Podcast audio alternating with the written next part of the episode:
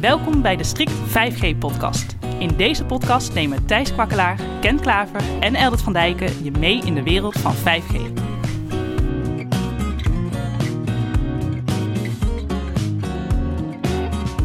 Dit is een Strict 5G-podcast. Ik ben Thijs. Ik ben Ken.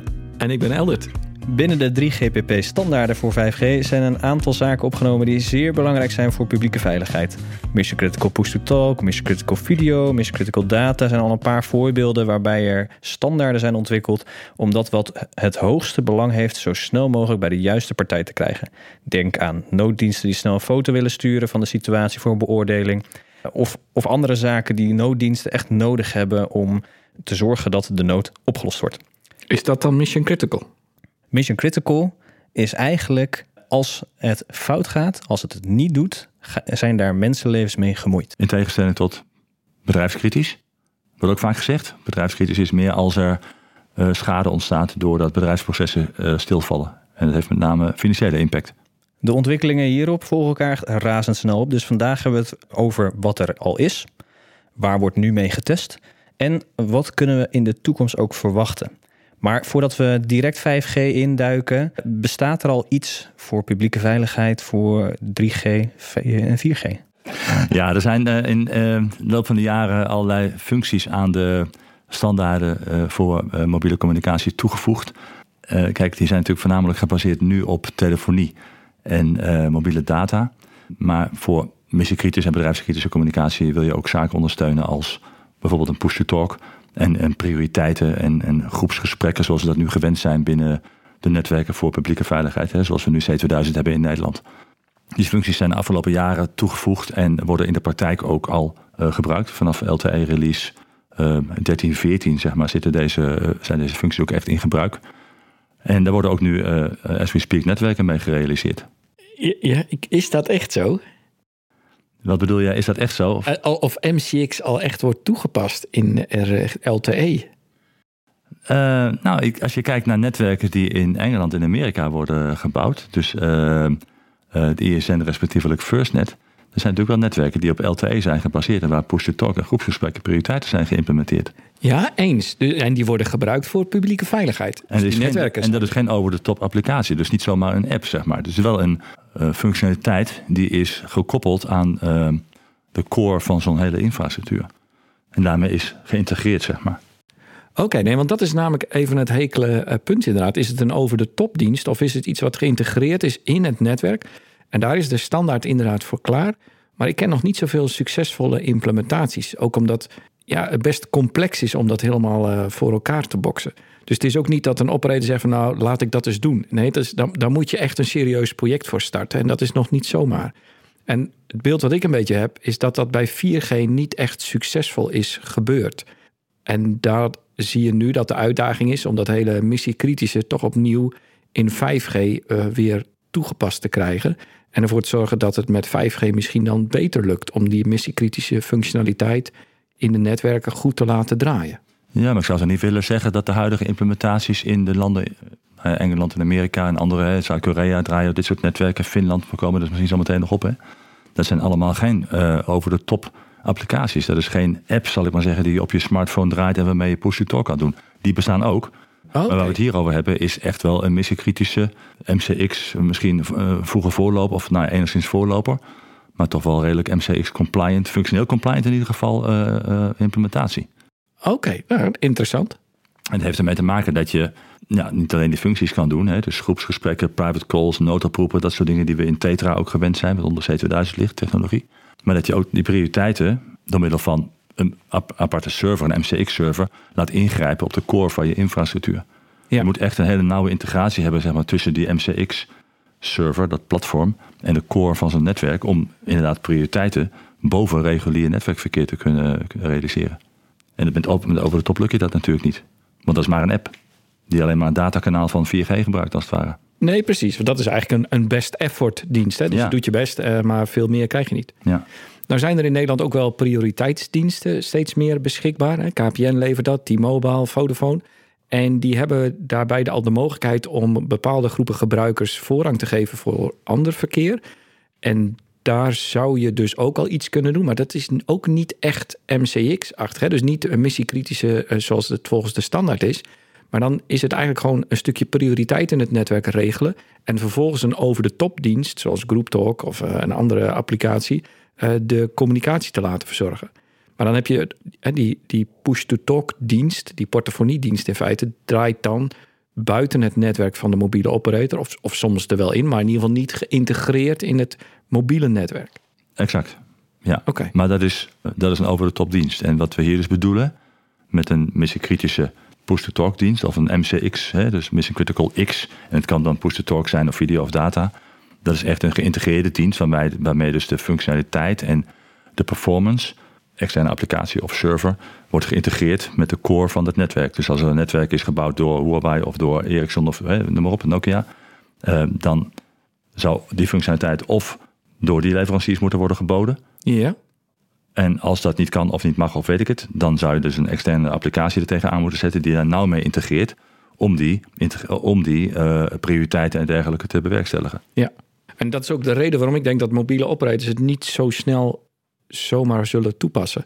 Dus op het moment dat ik met een applicatieserver kom en ik zeg, nou beste operator, ik wil even de controle over jouw radionetwerk overnemen, want als er een missiekritische call uh, voorbij komt, dan ga ik die prioriteit geven op ander verkeer. En mijn ervaring is dat mobiele operators niet zo snel geneigd zijn om zeg maar uh, de sleutels van het netwerk aan een ander uh, over te dragen. Zo van, ik heb een hele mooie Ferrari, hier zijn de sleutels, succes ermee. Da dat gebeurt niet zo snel. Nee, maar het zijn natuurlijk diensten die zij zelf aanbieden of, of gaan aanbieden. Ja. Het is niet zo dat jij als klant kan zeggen van nou, ik heb hier een mooie applicatieserver, ik, dit lijkt me een goede toepassing voor mijn bedrijf. Doe mij deze even integreren met jouw netwerk. Nee, precies. Het is een aanbod dat vanuit hen komt. Ja. Natuurlijk wel op, op, op klantvraag, want ze gaan dat niet zomaar aanbieden, neem ik aan. Ja. Dus er zijn nu een aantal partijen in Nederland die uh, MCX-diensten uh, aanbieden. al dan niet functioneel of geheel 3GPP compliant. Ja. En die bieden zij op dit moment dan aan op 4G? Die bieden zij nu aan op 4G slash 5G. En hoe werkt het dan anders in 5G ten opzichte van 4G? Nou, een van de hele vervelende dingen die ontstond bij de standaardisatie is dat de hele standaardisatie van MCX op 4G klaar was. En toen kwamen de mensen die daarbij betrokken waren opnieuw bij de standaardisatiecommissie. Die zeiden van nou, uh, kunnen we het ook op 5G uh, krijgen? Ja, zeide de standaardisatie. Je hebt alles gespecificeerd op 4G. Dus je moet, als je het op 5G wil, moet je eventjes opnieuw beginnen met al die specificatie en de techniek daarvan. Nou, daar werden een aantal mensen heel gallisch van, maar het is wel de praktijk uh, geworden. Dus wat er nu is gebeurd in de hele 5G-standaardisatie, is dat het weer eigenlijk het hele riedeltje wat voor 4G is gedaan, en wat best een aantal jaren heeft gekost, is nu opnieuw gedaan voor 5G. En 5G is gelanceerd met 3GPP release 15. Release 16 is twee of drie jaar geleden al standaard gereed gekomen. Release 17 is deze zomer uh, afgekomen. En release 17 zit nu de vol, ja, voldoende functies in om missiekritisch op 5G goed te implementeren. Alleen de tijd die het vergt om nadat de standaard klaar is tot een werkend product te komen, is toch al gauw anderhalf jaar. En daarna heb je nog de implementatie van een mobiele operator nodig die die functionaliteit in zijn netwerk wil toevoegen, de business case als iets positiefs ziet, de investering gaat doen, volgens het testwerk gaat doen uh, en de marketing daarvan. En in mijn inschatting is dat ook al gauw nog een jaar. Dus zeg maar, na uh, afgelopen zomer is het nog 2,5 jaar voordat je echt een gereden dienst op de markt kunt verwachten. En wat hebben we dan in 5G vergeleken bij wat we nu hebben? Want nu zijn er dus, wat ik zei, hè, twee mobiele operators die, nou ja, in ieder geval push-to-talk dienst aanbieden, die voor uh, public safety toepasbaar zou kunnen zijn. Hè? Ja. En uh, wellicht ook al missiekritische data. Wat zou 5G daar dan bovenop gaan bieden? Ja, eigenlijk niet zo heel veel meer. Uh, behalve dan dat de datasnelheid met 5G natuurlijk verder toe kan nemen. En 5G heeft nog meer mogelijkheden, mede dankzij de slicing functionaliteit. Bijvoorbeeld dus dat je nog meer controle hebt en nog meer parameters kan aanpassen, uh, zodat gebruikers vragen nog mooier ingevuld kunnen worden. Dat is een mooie hele service differentiatie. is natuurlijk uh, Precies, 5G ja. nou ja, niet eenvoudiger, maar je hebt meer mogelijkheden. Ja, dus de techniek biedt meer mogelijkheden. En in de marketing is dat al verkocht alsof dat uh, briljant is en al jaren beschikbaar is. Dat is gewoon nog niet zo. Uh, dus het, het is nog wel een enorme uitdaging om dat goed werkend te krijgen. Maar in een aantal landen begint dat nu uh, internationaal wel vorm te krijgen. Dus het, het is wel de verwachting dat dat echt wel gaat uh, groeien. Het is maar is in China nu een succesvolle implementatie geweest met, met slicing? Ja, klopt. Voor de elektriciteitsmaatschappij. Die hebben een eigen garantienetwerk gekregen. Of een netwerk met een aparte garantie op het publieke netwerk. Dus met zo'n slice kun je wel hele interessante dingen doen uiteindelijk. En dan uh, om nog even terug te pakken. Uh, met een slice kun je eigenlijk garanderen dat bepaalde bandbreedte of bepaalde snelheid of reactietijd van het netwerk er is voor jou als gebruiker. Ten opzichte van 4G, waarbij het eigenlijk is: we doen ons best. En, in, in 4G is het ook wel mogelijk, maar in 4G is het relatief primitief. Dus je kan zeggen: Nou, ik reserveer voor jou 10% van de netwerkcapaciteit. Of ik reserveer voor jou 20% van de netwerkcapaciteit. Dat kun je natuurlijk maar een paar keer doen, of je krijgt al heel snel eh, impact op je normale uh, klanten. En dat is iets waar heel veel operators ja, best wel mee worstelen. Hè? Hoe ga ik er nu voor zorgen dat ik een paar mensen alle voorrang geef en alle prioriteit geef en vervolgens alle andere miljoenen betalende klanten uh, daar met een probleem op zalen. Dus die, die worstelen daar vaak mee. En heel vaak is het ook de plek waar iets gebeurt, waar de hulpdiensten naartoe uitdrukken, is niet altijd midden in de stad, maar ook soms op plekken waar niet zo heel veel mensen wonen uh, of zijn. En waar meestal ook de radionetwerkcapaciteit veel lager is als in de stad. En de dekking soms niet altijd volledig is. En dat is dan waar plotseling een hele hoop behoefte is. En dan kun je wel zeggen, ja, ik wil 25% van de capaciteit hebben. Alleen als daar maar een beperkte hoeveelheid capaciteit is, dan is 25% ook niet zo heel veel. Dus die, die priorisering werkt alleen op datgene wat beschikbaar is. En dat is ook nog wel een issue. Um, want naast of het beschikbaar is op die bepaalde plek, zit je ook nog met het feit, als er geen netwerk is vanwege een storing, dan heb je ook niet heel veel te verdelen. Want 25% of 20% of 10% van nul blijft nog steeds nul. We hebben het nu ook vooral gehad over de implementatie ook bij operators. Dus dat zij uh, met MCX-toepassingen moeten kunnen komen. En dat daar ook een positieve business case voor moet komen. En dat duurt ook nog best wel een tijdje, als ik uh, jou zo hoor. Nou, op 4G is het op de markt. Ja, maar ik bedoel meer voor, ook voor 5G. Maar ja. kun je daar als organisatie of uh, publiek dan wel privaat... daar zelf iets in opzetten?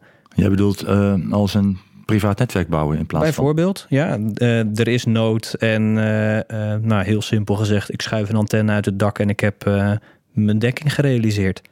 Nou, dat, dat is inderdaad wel waar op, op verschillende plekken al over na wordt gedacht. Dat je inderdaad een commandowagen bijvoorbeeld naar zo'n locatie brengt...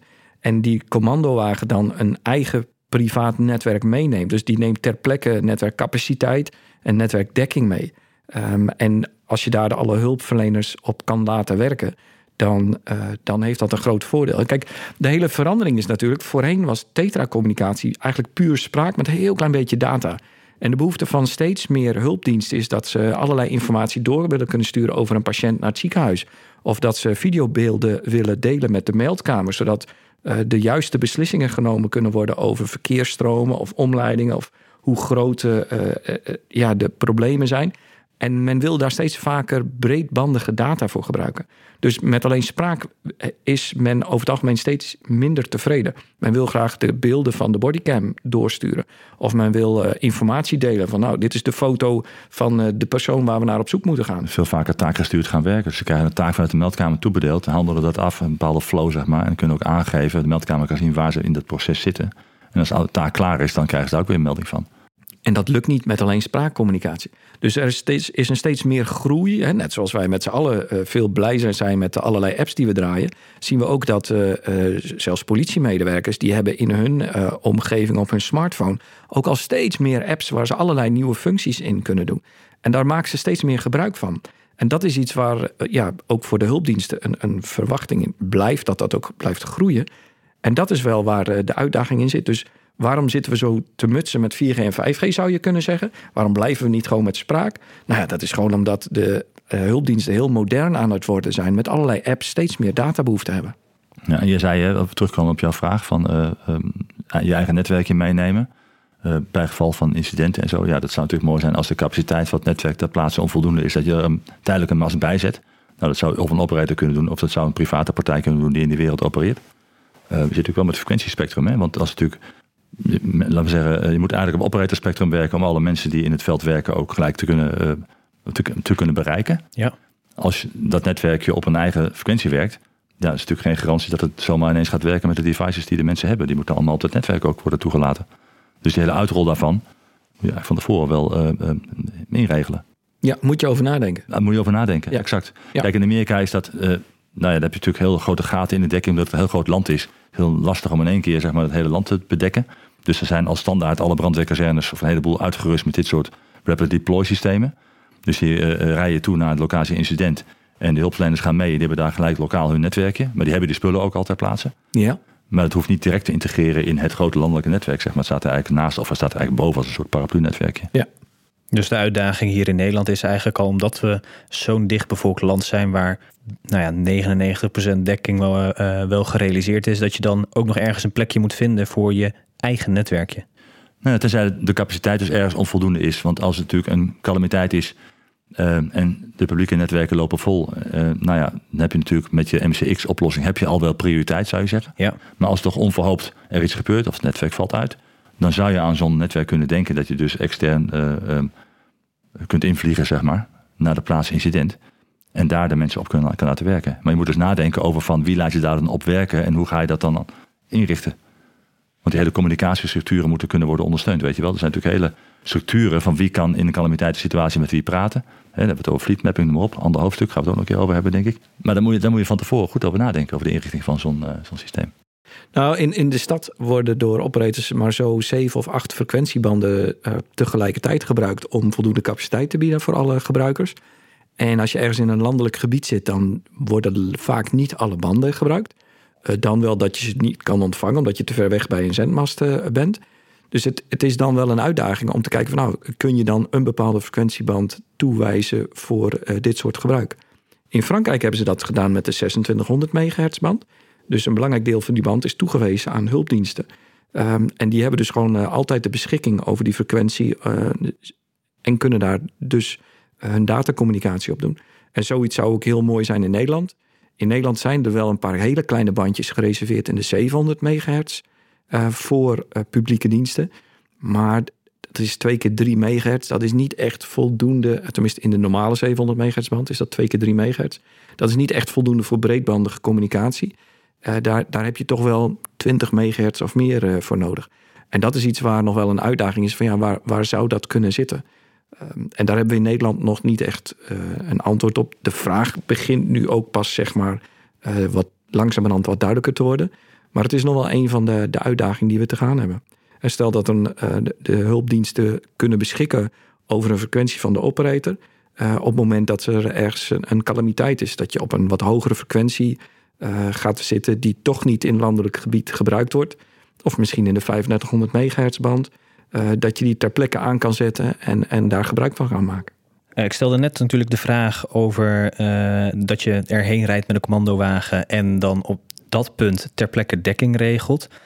Vroeger was het nog wel eens zo dat je een portofoon die kon zenden en ontvangen. En daarmee kon je eigenlijk bijna een soort mesh maken van uh, portofoons die met elkaar communiceren. Is zoiets ook in 5G opgenomen? Ja, en de, kijk, in, in Tetra, in C2000 hebben we nu wat direct mode, heet, dus portofoon-portofoonverkeer. Wordt met name gebruikt door de brandweer voor objectcommunicatie. Uh, waarbij de bevelvoerder buiten staat contact heeft met de meldkamer. En aan de andere kant contact heeft met de manschappen die een gebouw binnengaan als daar een, een brand is of een incident. Uh, en die manschappen onderling hebben dan uh, nou, een kanaal waarmee, waarmee, ze met elkaar kunnen praten.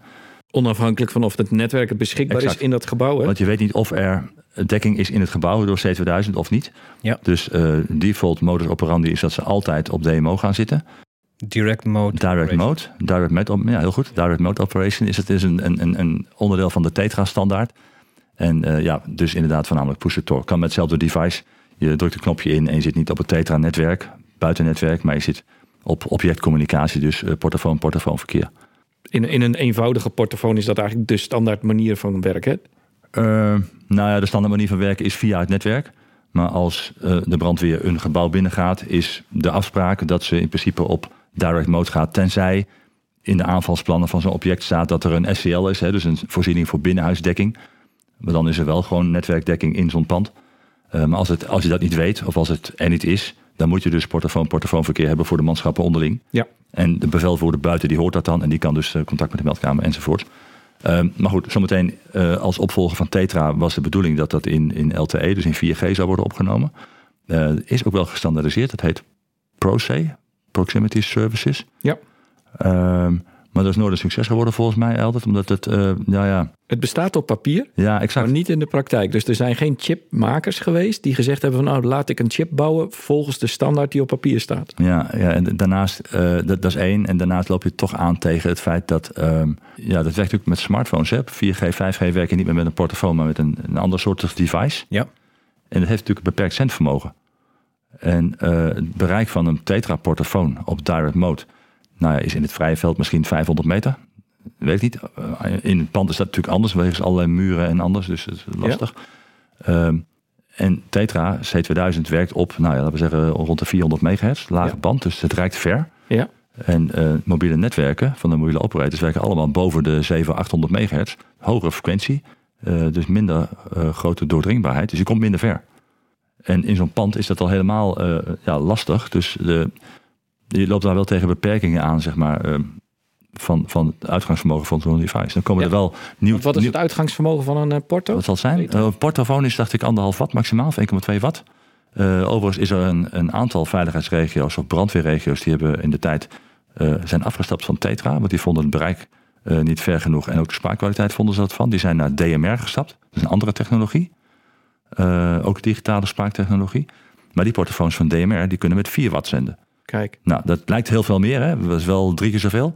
In de praktijk betekent dat niet heel veel meer bereik. Niet in dB's, nee. Niet in dB scheelt voor mij 3 dB of zo. Dus het, nou, nou, misschien 6, weet ik niet. Met een aantal dB scheelt het. In de praktijk, nou, de ervaringen waren zodanig positief dat ze een aanbesteding hebben gestart om met direct mode uh, op basis van DMR. Dus een aantal regio's zijn ermee actief. Uh, maar goed, straks hebben we dus Smartphones, ja. Smartphones, smartphones die, die, en die gaan 200, 200 milliwatt of zo, ja. 250 milliwatt, weet ik, het houdt wel op. En me, soms gaan ze zelfs nogal lager om, om het uh, batterijduur van het toestel te verlengen. Dus het zendvermogen van smartphones, niet alleen op 4G, 5G, maar ook op wifi bijvoorbeeld, Mhm. mm -hmm. zie je dat bij elke generatie wordt over het algemeen het zendvermogen verlaagd. En is het ook niet afhankelijk van de ontvangststerkte? Uh, Want als je natuurlijk vlak onder de mast zit met een inzet, dan zeg je aan mobieltje wel van nou, ik hoef ook niet heel hard terug te zenden. Dus dan gaat hij ook minder ver zenden. Ja, ook. Ja, ja. Oh, dat is, dat, dat is normaal netwerk. is maar 200 milliwatt. En maar dat is normaal zendvermogen. Ja. Maar goed, als je op direct mode zou, dus op proximity services, ProC zou gaan, hè, ja. dus de DMO variant van uh, de 4G variant van direct mode, dan zit je met 200 milliwatt zendvermogen. Ja, dan kom je niet ver en zeker niet op die hoge frequenties. Nou, kortom, nooit gebouwd. Nu is het binnen 5G, in release 17 als ik me niet vergis. Correct me if I'm wrong. Uh, is er een nieuwe standaard, Sitelink. Ja, het lijkt erg op, op proximity services. Eigenlijk een soortgelijke implementatie. En de verwachtingen zijn redelijk hoog gespannen. Maar ja, ook daar loop je natuurlijk tegen de beperkingen aan van zendvermogen van zo'n device. Ja. Er is wel tegelijkertijd ook een belofte gedaan van uh, high-powered uh, devices. Die ja. meer uitgangsvermogen zouden geven. Met een extra eindtrap. Dus dat de ja. chip in wezen hetzelfde blijft. Maar dat je nog een eindversterker erachter zet. Die gaan wat harder. En precies, ja. Dus als je dat zou combineren uh, met, met Sitelink, zeg maar. Hè, dus dat direct mode protocol. Dan heb je misschien een aardige vervanging van uh, de direct mode functie die we nu binnen Tetra kennen. Ja, en het lastige in 4G was in principe gebruikte daar eigenlijk alleen FDD, dus frequentie gescheiden uh, up- en downlink. Dus je op de ene frequentie zendt en op de andere frequentie ontvang je. En in 5G zien we dat we steeds meer overstappen naar TDD. Uh, niet in alle frequentiebanden, maar in een aantal wel. En in TDD-technologieën is het natuurlijk je zend en ontvangst doe je op, gescheiden op de tijd op dezelfde frequentie. Dus op het moment dat je een chip hebt die TDD doet en je kunt met de tijdsloten goochelen, kun je met elkaar gaan communiceren. Want dan uh, de ene moment zend ik en volgende moment ga jij zenden. En het blijft op dezelfde frequentie uitzenden. Dus dat maakt uh, direct mode operation in, in TDD in principe wat eenvoudiger dan in FDD. Want daar moet je namelijk de zenden- en ontvangstfrequenties helemaal omsmurfen. Dus dan heb je eigenlijk dubbele zenders en dubbele ontvangers nodig.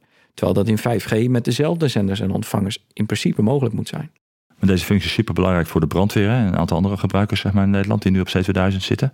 Ik wil jou ook zeggen dat release 17 net uit is deze zomer en dat het nog wel een jaar of anderhalf, twee zal duren voordat ja. dat land in, in, in producten, zal ik maar zeggen? Ja, er, er zijn al prototypes en er wordt al getest, maar het is nog niet klaar voor productie.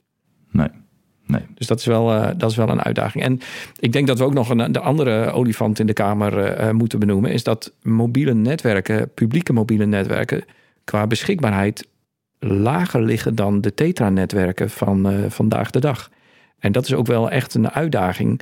Uh, van hoe ga je ervoor zorgen dat de mensen die er echt op moeten vertrouwen en soms in, in levensbedreigende situaties er het noodzakelijke communicatie is, dat je dan wel met de meldkamer kunt communiceren. En dat het niet iets is van, oh ja, ja we hebben vanmiddag een netwerkstoring gehad, dus uh, ja, het is niet helemaal gelukt. Ja, dat soort dingen kun je niet gaan vertellen aan een hulpverlener door te zeggen, ja, ja, het is, ja, sorry, het is vandaag niet gelukt. Ik bedoel, dat, dat, je, je kunt er natuurlijk wel mee omgaan, maar het is wel een hele, hele lastige. En we zien ook wel dat de hulpdiensten op het moment dat er storingen zijn in hun technologie die ze moeten gebruiken voor hun werk, dat ze denk ik terecht op achterste benen staan. Van, jongens, maar dit is niet de bedoeling. En, en voor mezelf zou dat waarschijnlijk hetzelfde zijn. Als je ergens op moet vertrouwen om je werk goed te kunnen doen voor je veiligheid en het is niet beschikbaar, ja, dan, dan is die veiligheid dus niet gegarandeerd. En dat voelt toch niet fijn. Een oplossingsrichting zou natuurlijk kunnen zijn om gebruik te maken van de drie mobiele operators tegelijkertijd. Of laten we zeggen, als er eentje het niet doet, dat je dan naar de next best oplossing provider gaat. Ja, en daar zijn ook hele interessante technologieën over. Daar moeten we het misschien ook maar eens een keer uh, over gaan hebben.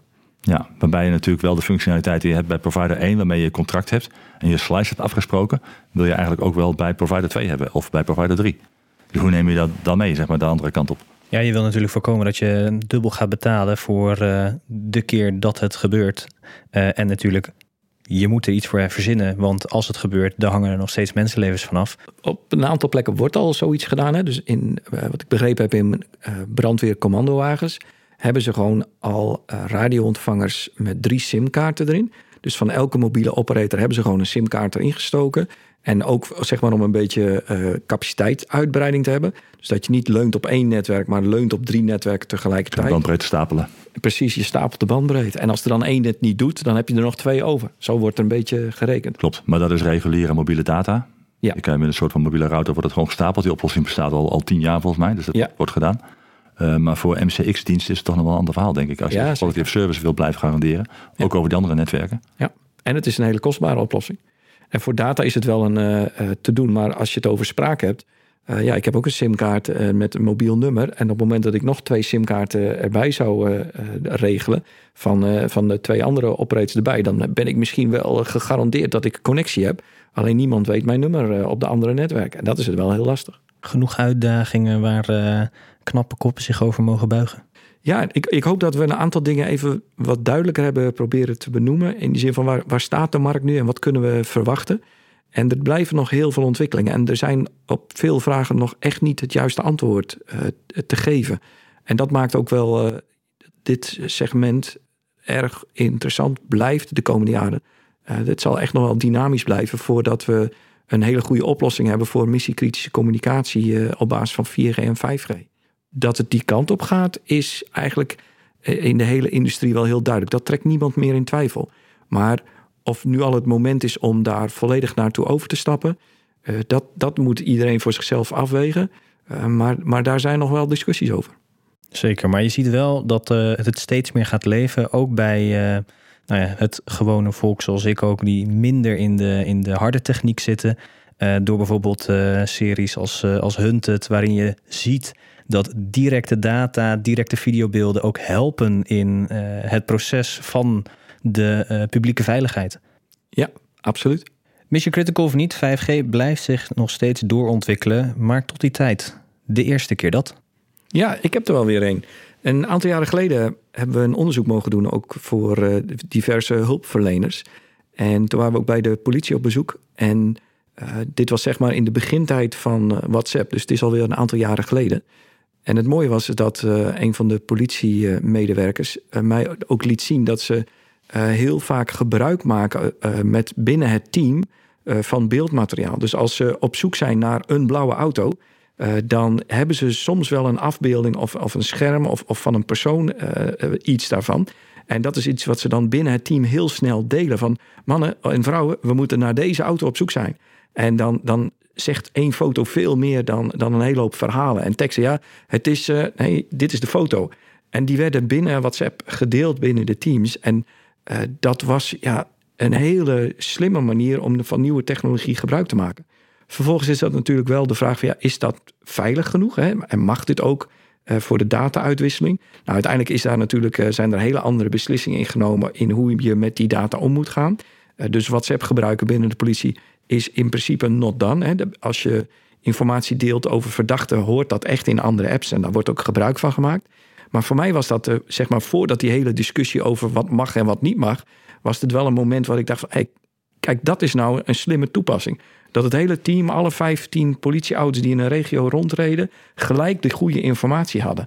En dan kun je wel proberen daar een tekstbericht van te maken, maar niks zegt zoveel als een fotootje of een videootje. Nee, daar wil ik wel bij aansluiten. Ik heb een, jaar, nou, een aantal jaren geleden bij het landelijk programma Netcentrisch Werken gewerkt. Dat is een programma dat uh, viel onder uh, toen nog het ministerie van Binnenlandse Zaken. En dat had tot doel om de informatieuitwisseling in de crisisstaven bij rampen en opschalingen en incidenten, zeg maar, om die te verbeteren. Want vroeger gingen heel veel dingen nog met situatierapporten, SITRAP, zeg maar, werden als het ware gefaxt naar vanuit het veld naar het eerstvolgende commandoniveau. En dan ging het nog een laagje hoger, want die moest dan een besluit nemen. En maar besluiten werden dan genomen op, laten we zeggen, burgemeestersniveau. Die gingen dan weer terug naar een aantal lagen naar het veld. En daar wisten, dan, dan wisten ze wat ze moesten doen. Uh, nou, die hele, dat, dat duurde altijd heel lang voordat er zeg maar, uh, informatie uit het veld bij de beslissingsbevoegde kwam. En duurde ook heel lang voordat het besluit uiteindelijk weer in het veld kwam. Van moeten we links of rechts af? Moeten we die, uh, welke handelingen moeten we eigenlijk uitvoeren? Nou, om dat te versnellen is een andere manier van informatie delen bedacht. Daar is ook het landelijk crisismanagement systeem toen ontstaan. En uh, dat is tot op de dag van vandaag operationeel. Maar het onderschrijft wat jij zegt, dat, we, dat de bedoeling is natuurlijk om zo snel mogelijk de juiste beelden bij de juiste mensen te krijgen, zodat die de juiste beslissingen kunnen nemen op basis van een betrouwbare dragerdienst. En dat ging natuurlijk helemaal om in deze podcast. Hè. Betrouwbare dragerdienst, dus missiekritische uh, uh, 4G, 5G-diensten. Uh, ja, dan zijn we denk ik een stap gewonnen. Want je wilt natuurlijk wel een infrastructuur waarover je deze informatie verstuurt, die het altijd doet, die hoog beschikbaar is. Dank jullie wel. Dit was de Strict 5G-podcast met Eldert, Ken en Thijs. Abonneer je op de podcast zodat je direct weet wanneer er weer een nieuwe aflevering is. En laat ons ook vooral weten wat je ervan vond.